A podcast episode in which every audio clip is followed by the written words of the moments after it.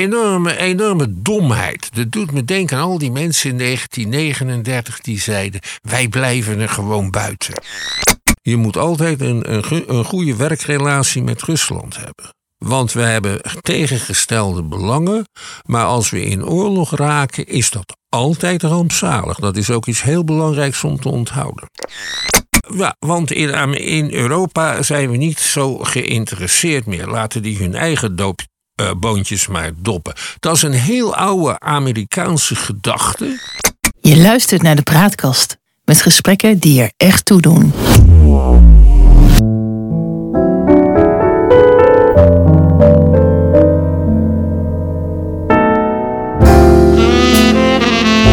bij de Praatkast.nl. Dit is een aflevering van het Geheugenpaleis. Mijn naam is John Knierim en samen met historicus Han van der Horst maken we deze podcast. De geschiedenis die herhaalt zich nooit, maar Rijmer dat doet hij vaak wel. En dat gegeven gebruiken we in het Geheugenpaleis om dieper in te gaan op de actualiteit. En om zo te ontkomen aan de waan van de dag en om tot de kern van het nieuws te komen. Aflevering 112 alweer. Uh, Han, ik ben een beetje somber gestemd uh, vandaag, want... Uh, Volgens mij is Oekraïne de oorlog aan het verliezen. Dat hele voorjaarsoffensief, daar is eigenlijk niets van terechtgekomen. En op veel plekken is Rusland in de aanval op dit, dit moment. Vooral in Avdivka op dit moment. en zowel in de Verenigde Staten als in Europa lijkt de steun een beetje af te brokkelen. Hoe, hoe zie jij dat allemaal? Ja, dat ziet er allemaal niet zo verschrikkelijk gunstig uit. Je kan niet zeggen dat uh, Oekraïne nu de oorlog aan het verliezen is. Het is een weinig originele opmerking. Maar het is net het Westfront in de Eerste Wereldoorlog. Er liggen mhm. honderdduizenden soldaten tegenover elkaar. Uh, langs een frontlijn waar heel weinig beweging in zit.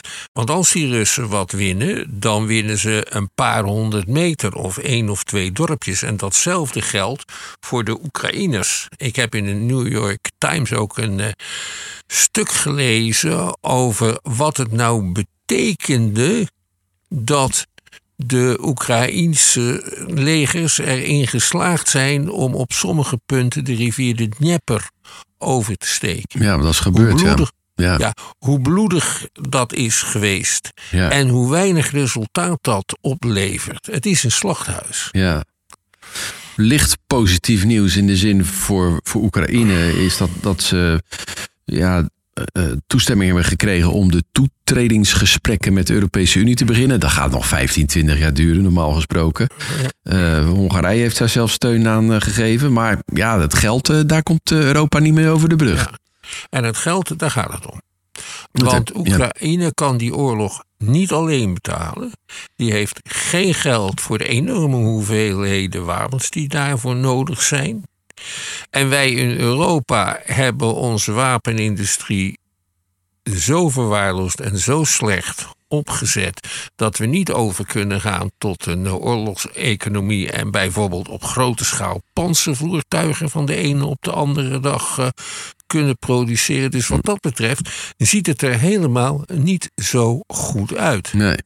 Het is heel, heel ernstig. En dan hoor ik de Tweede Kamer zeggen van ja, dat geld, dat helemaal trouwens nooit in, eh, uit onze begroting komt of wat dan ook, dat kunnen we beter aan onszelf besteden.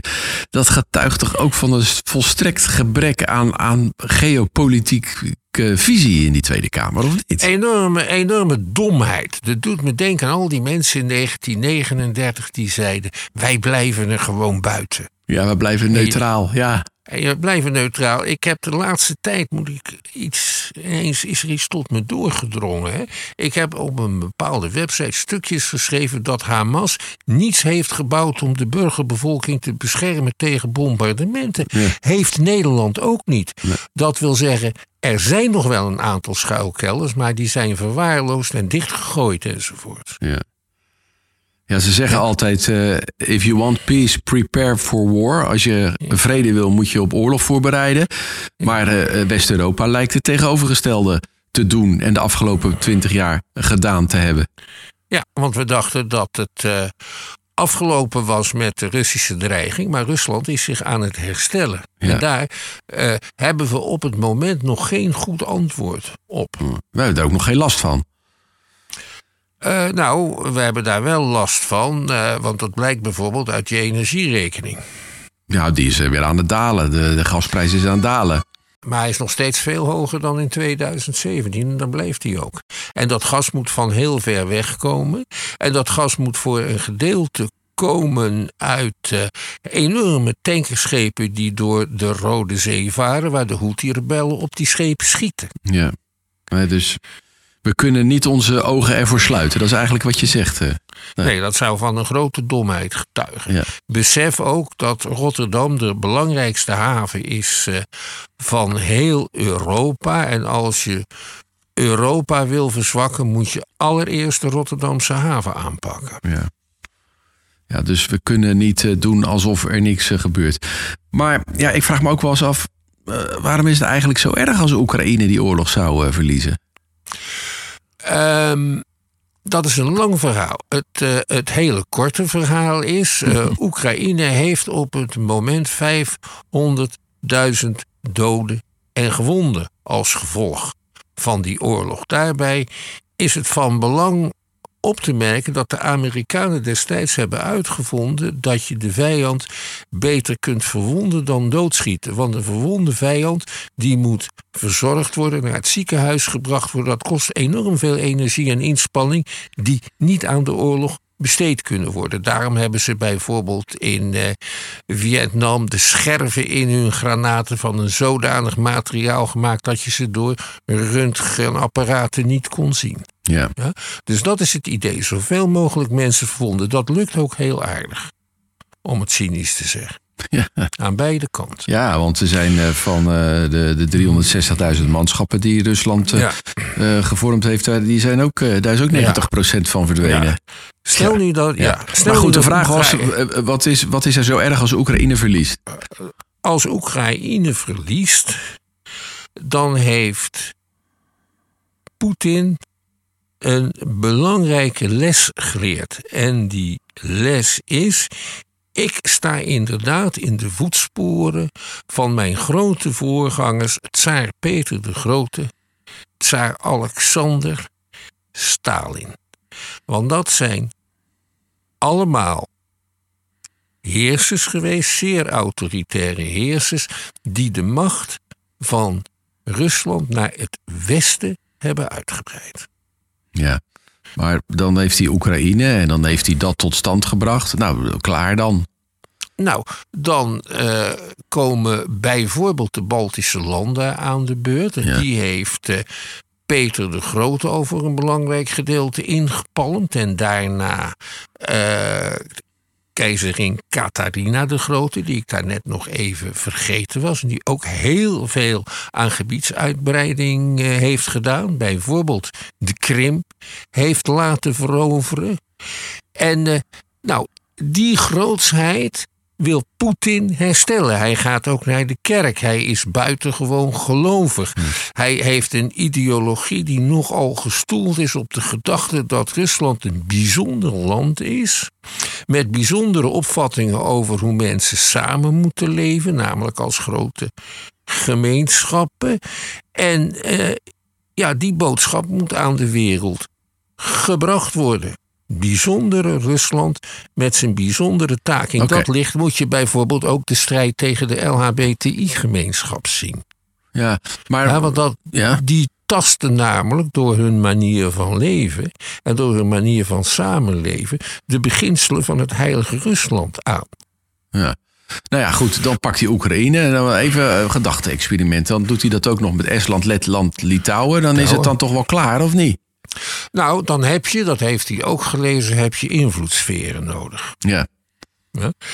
Uh, en het zou toch wel heel aardig zijn als de invloedssfeer van het grote Eurasiatische Russische Rijk, als dat heel Europa was. Die kans is ook reëel als straks Trump de verkiezingen in Amerika uh, Gaat winnen. wint. En dat Amerika dan zijn belangstelling voor Europa verliest. Ja, en de NATO opblaast. bijvoorbeeld. Ja. Dan zullen de Europese landen zijn met elkaar op het, op het moment zeker niet in staat om, om militair weerstand te bieden tegen Rusland. Bovendien is dat een atoommacht. Wij zijn ook een atoommacht, niet zo'n grote, maar we hebben hem wel. Frankrijk heeft atoomwapens. Ja. Uh, Engeland heeft atoomwapens. Stel dat Oekraïne de oorlog verliest, moet Duitsland dan ook atoomwapens krijgen? Zou je dat een goed idee vinden? Dat we eens een stevig arsenaal neerzetten. Dat we teruggaan naar de tijd van de Koude Oorlog en de wederzijdse afschrikking. Zou dat een goed plan zijn? Of waag je het liever op een conventionele oorlog of een reeks oorlogen? Ja, wel, ik wil helemaal geen oorlog. Uh, maar ik probeer vooruit te denken en na te gaan van nou, dan, dan geven we Poetin. Niet dat ik dat zijn zin wil geven, maar ik probeer naar de uitkomst te kijken van, van dit conflict. En jij zegt, als je niet stopt bij Oekraïne, dan, dan krijg je Estland, Letland, Litouwen. Want dat past dan binnen het verhaal zoals hij dat ziet. En dan gaat het eigenlijk om de veiligheid van Rusland. En dan moet de invloedssfeer uitgebreid worden. En dan, dan krijg je eigenlijk weer zo'n oud ijzeren gordijn eh, wat in het leven geroepen wordt. Eh, en dat willen de Polen natuurlijk niet. En uiteindelijk wil Orbán ook al, uh, pist hij elke keer vanuit, van, van binnen in de tent naar buiten, om het maar zo te zeggen. en neemt hij de EU op de korrel. Dan, dan komen al die landen weer onder de directe invloedssfeer van Rusland. En dat zullen ze niet willen waarschijnlijk. Nee, maar ze, ze hebben niks te willen. En het is ook de vraag hoe die uh, invloedssfeer, hoe die tot uiting zal komen.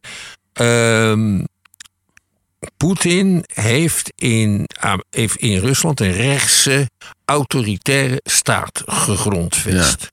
Ja. Uh, die is lang niet zo onderdrukkend als destijds de communistische Sovjet-Unie. Ja.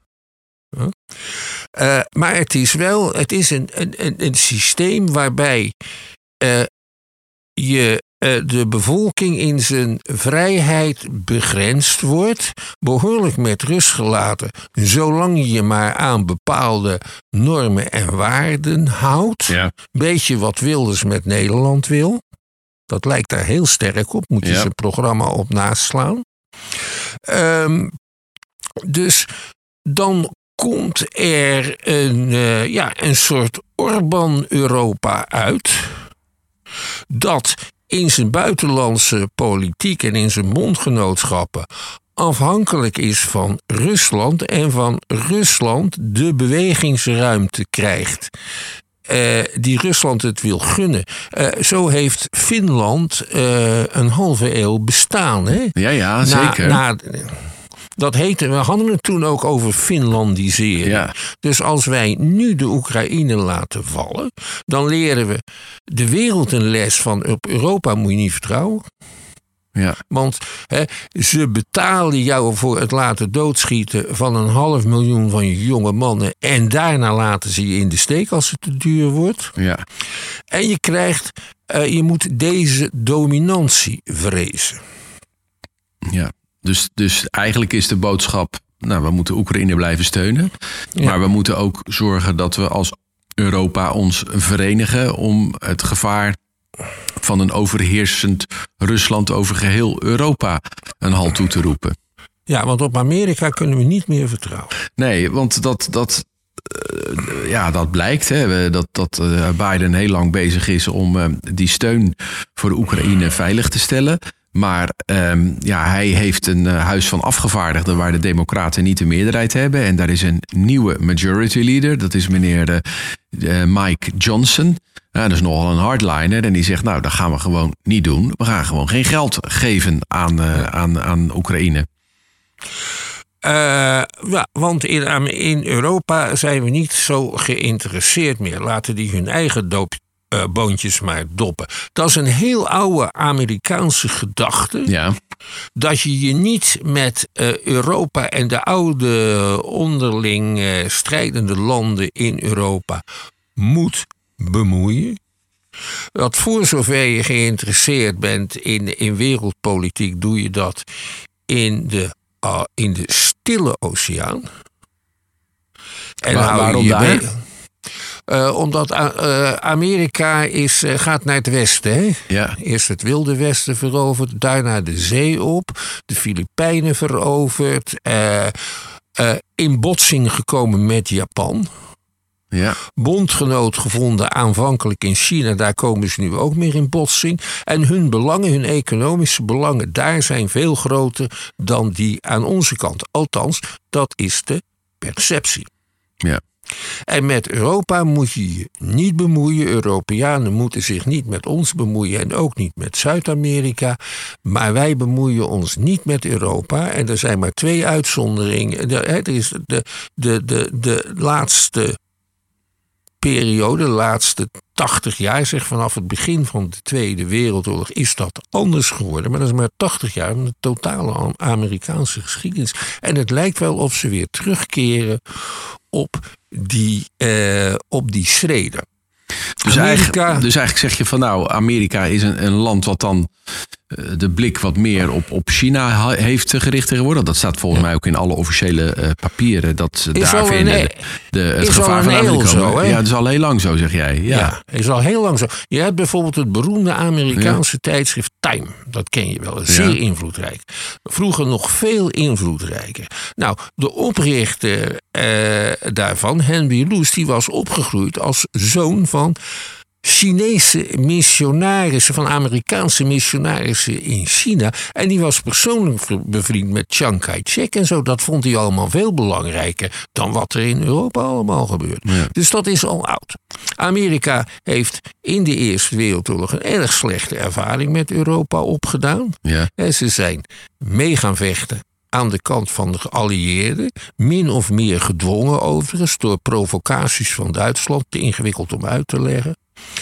Uh, daarna uh, wilde president Wilson uh, bij de vredesonderhandelingen in Versailles rechtvaardigheid tot stand brengen en dat het zelfbeschikkingsrecht der volkeren was gegarandeerd enzovoorts en dat er een volkenbond moest komen. Dat is allemaal er is allemaal weinig van terechtgekomen. Voor zover iets van terecht kwam, was het op een geperverteerde manier.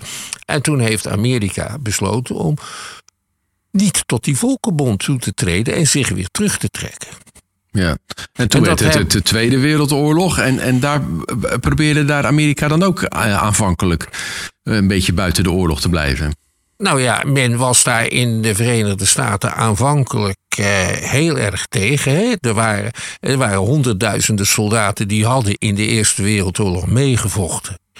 En eh, daar waren ze behoorlijk pacifistisch van geworden, moet je zeggen. Ja. Um, er was een enorme weerzin tegen oorlogswinstmakers. Ken je het stripverhaal van uh, Little Orphan Annie? Nee. Nee, dat is een, gaat over een, eh, een, een, een, weeskind. Dat weeskind dat wordt steeds maar weer gedwongen om in een weeshuis te gaan zitten. Dat wil ze niet, want ze heeft een hekel aan de staat.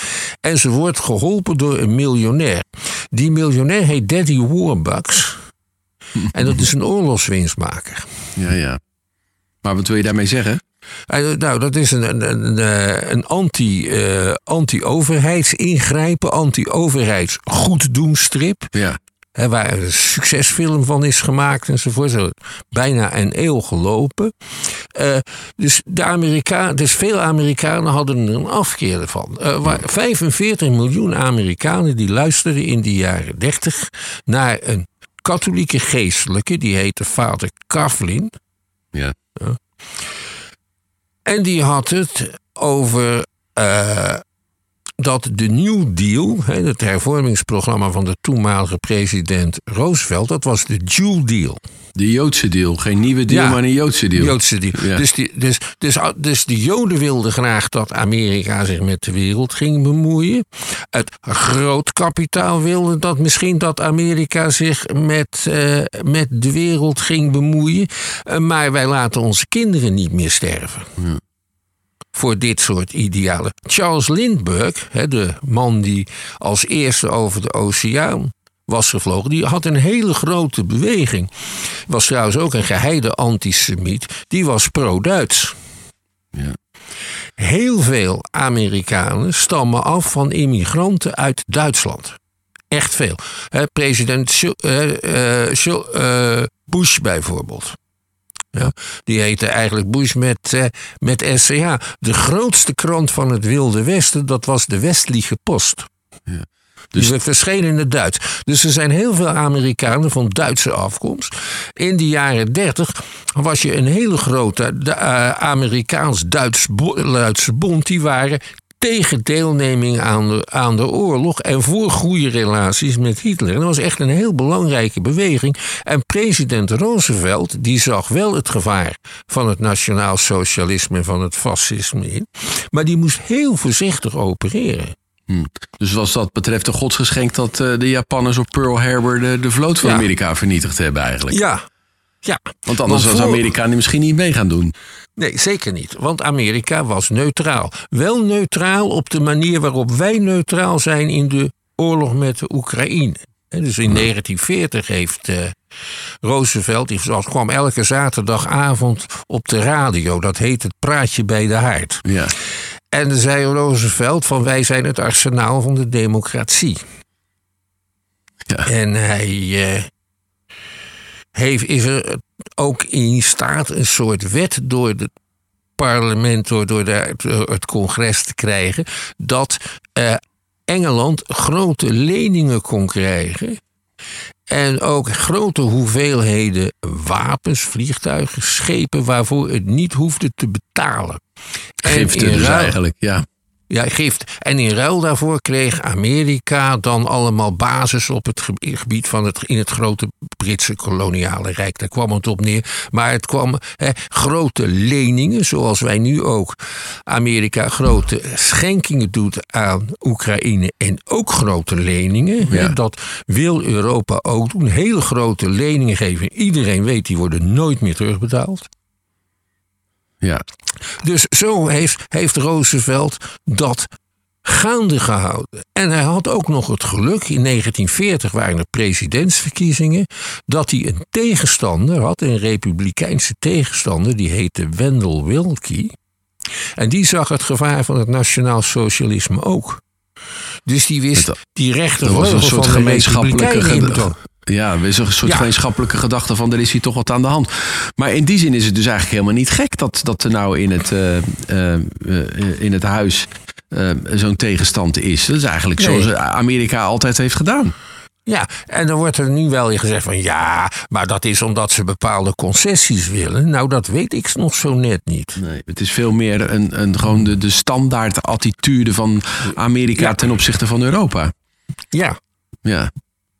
En nu gaat, uh, als er een Trump daar de macht weer krijgt, dan gaat hij daar ernst mee maken. We betalen dat niet meer. En als Europa dat zo belangrijk vindt.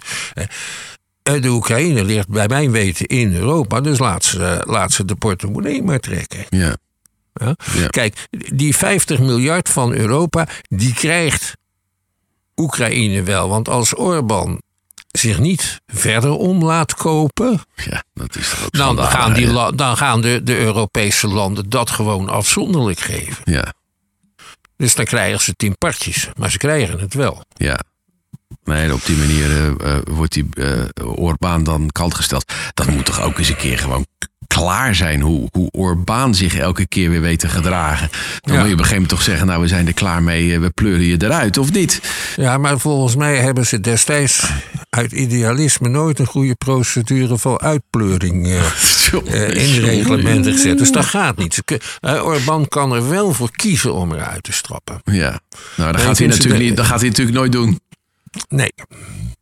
Jongen. Heel, heel ernstig. Maar even terug dus, dus naar de positie van Amerika. Uh, dus wij zijn eigenlijk zo in de afgelopen 30, 40 jaar. Ja, ik heb Jaap de Hoop Scheffer, de voormalige secretaris-generaal van de NAVO, daar wel eens wat horen zeggen van ja, we gingen aan het strand zitten. Hè, toen de muur gevallen was, we dronken een glas en deden een plas en dachten, nou, alles blijft wel zoals het was. Maar dat is gewoon helemaal niet zo. En dat niet alleen, we hebben Rusland ook vernederd. Wanneer hebben wij Rusland vernederd dan? Uh, door, uh, door, ze te laten, door ze te laten zwemmen. Uh, door te zeggen dat de NAVO niet uitgebreid zou worden, waarna het toch gebeurde. Ja. Ehm, ze zijn een keer failliet gegaan. Onder, onder Yeltsin. Toen ja. is, is Rusland ook aan alle kanten. hebben ze Rusland alle hoeken van de Kamer laten zien. Elke keer dezelfde fout. Hè? Net als we Ja. Duitsland in de, na de Eerste Wereldoorlog eh, aan de geelhonger brachten met Ja. alle herstelbetalingen. Ehm, en dan, dat, dat, dan Dus- zinnen de dus- mensen op wraak. Ja. Ja, dus dat komt nu terug. Er is iets wat nauwelijks is besproken nog, overigens, nu we hiermee bezig zijn. Ja. Eh, Oekraïne mag gaan onderhandelen voor toetreding tot de EU. Ja. Ja. Maar Georgië ook. En dat wordt, oh ja, Georgië mag ook. Moldavië mag ook klein, maar Georgië, die heeft nog territoriale conflicten met Rusland. Dat is punt één. En Dat Moldavië heeft- ook, hè, trouwens, Ja, in Transnistrië. ja. Eh, Georgië ligt heel erg dicht bij Iran. Dat ligt er volgens mij zelfs tegenaan. Dus dat is lekker. ja. Hoezo En is dat dat lekker? Nou, dat we daar, dus daar gaan we daar een enorme rol in spelen. En ik ben benieuwd hoe Turkije dat vindt. Die zijn wel lid van de NAVO. Maar geen lid van de EU. Ja, om even terug te komen op die LHBTI-zaak in Rusland. Ja. In Turkije is, is, de, eh, is dat nu ook begonnen. En men neemt expliciet een voorbeeld eh, aan Rusland. Ja. Maar goed, Dat Rus- was te zien op het journaal. Dus, dus er zijn allemaal dingen aan de hand. Die zijn niet feestelijk. Nee, je ziet eigenlijk dat, dat alle geopolitieke machtsblokken eh, aan het schuiven zijn. Rusland Ja. eh, komt eh, weer op. China is heel erg in opkomst. Heeft zijn oog laten vallen op Taiwan. Wat ze natuurlijk Ja. eigenlijk terug willen hebben als afvallige Ja. provincie. Amerika zegt van nou Europa moet het maar alleen doen. Europa is natuurlijk een hele belangrijke economische macht. Maar geopolitiek en militair stelt het niks voor. Nee, niet veel. Nee. Dus dat, dat is dan de uitdaging de komende jaren. Maar ik, ik geloof Ja. dat er nog geen wapenfabriek hier is geopend in, het, eh, in West-Europa. Eh, nee, dat is eh, inderdaad het geval. En en die, de zaak valt niet, valt niet om te draaien. Neem de Nieuw, de Nieuw Amsterdam. Ja. Dat prachtige Nederlandse passagiersschip. En trouwens alle andere grote passagiersschepen van voor de Tweede Wereldoorlog, waar ze nu romantische films over maken, die konden allemaal in een week worden omgebouwd tot troepentransportschip. En zo zijn ze ook gebruikt. Ja, dat gaat natuurlijk ook niet meer. Nee, maar die schepen bestaan niet meer. Nee. Maar goed. eh, en, maar ik denk ook niet dat dat met die, met die, eh, met die zeekastelen van nu kan. Of dat iemand erover heeft nagedacht dat dat zou moeten kunnen. Nou ja, we moeten het gaan, eh, gaan afronden. Ja, Wat, wat gaat er nou gebeuren op korte termijn? ik, ik- dat, is, dat is gewoon heel erg moeilijk te zeggen. Ja. Kijk, Misschien als eerste er- dat, dat dat conflict, want dat dat beweegt nu nog wel een beetje, maar eigenlijk is het gewoon een beetje een bevroren conflict aan het worden. En daar is Rusland over het algemeen wel Kijk. goed in. in. In Georgië en ook in, in Moldavië, op allerlei andere plekken. En we worden continu worden we geconfronteerd met onverwachte vervelende verrassingen. hè. Niemand had die, die toestand in Gaza verwacht, bijvoorbeeld. Maar, hè. Maar het is toch gebeurd. Dus, Dus wat jij zegt niet- is, ga je voor het onverwachte voorbereiden. Ja. Want dat is wel een Want lastige. is, ja, dat is ook lastig. Ehm, ik zal een, een voorbeeld, heel ander voorbeeld geven. Neem onze landbouwsubsidies. Ja. Er worden heel grote landbouwsubsidies eh, gegeven, zowel eh, Europees als, eh, als landelijk. Ja. Eh, ik denk dat het van belang is dat Europa zichzelf met zijn eigen landbouwproducten te alle tijden kan voeden en dat je daar je landbouwpolitiek op moet richten. Zo is het oorspronkelijk ooit begonnen, ook natuurlijk de, de Europese Unie. Ja, Ja. want wat jij zegt is, je kan niet meer op de rest van de wereld eh, aan. Nee. Dus in dat kader is het misschien onverstandig om alle stallen en alle landbouwgrond in Nederland eh, om te katten naar huizenbouwgrond. Ja, eh, je zal dus iets moeten verbouwen wat je kunt eten. Het is ook niet verstandig om allemaal veeteelt te hebben die afhankelijk is, voor een gedeelte in ieder geval, van, van voer dat uit andere delen van de wereld moet worden aangevoerd. Bijvoorbeeld Brazilië. Dat is geen goed idee. Want op het moment eh, dat eh, die aanvoerlijnen worden doorgesneden, gaan die koeien dood. Ja. Op het moment dat je ze juist levend nodig hebt. Ja, maar ook alle. Begrijp je eh, wat ik ja, ja, bedoel? ik begrijp wat je, be- wat je bedoelt. En dat gaat natuurlijk ook verder. Want eh, alle hele belangrijke grondstoffen voor chips en eh, batterijen en wat dan ook. Ook. die komen allemaal uit China vandaan. Dus als China zegt we stoppen ermee, hebben we hier ook een probleem. Ja, of ze komen uit Afrika, maar dat zien Dat is ook in- China op het moment. Ja, Dus aan Zich- alle kanten zitten we in de klem, eh, om het zo te we zeggen. worden ook omsingeld. Hè? Ja, noemde Bismarck dat. Daar moest je heel erg voorzichtig mee zijn. ja, Bismarck zei altijd: je moet je nooit laten omsingelen door vijanden. En je moet ook, dat was een ander punt, dat gold dan voor, bij, wat hem betreft alleen voor Duitsland. Je moet altijd een, een, een goede werkrelatie met Rusland hebben. ja. Want we hebben tegengestelde belangen. Maar als we in oorlog raken, is dat altijd rampzalig. Dat is ook iets heel belangrijks om te onthouden. Nou. Eh, Kortom, onzekere tijden die we tegemoet Ik zou zelfs durven zeggen prettige kerstdagen. We moeten het hierbij laten, deze aflevering van het Geheugenpaleis.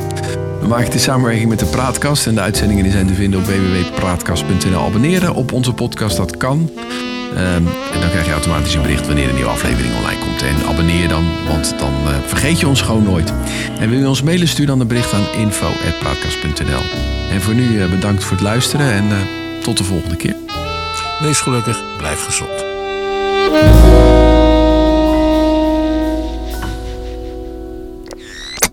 De Praatkast.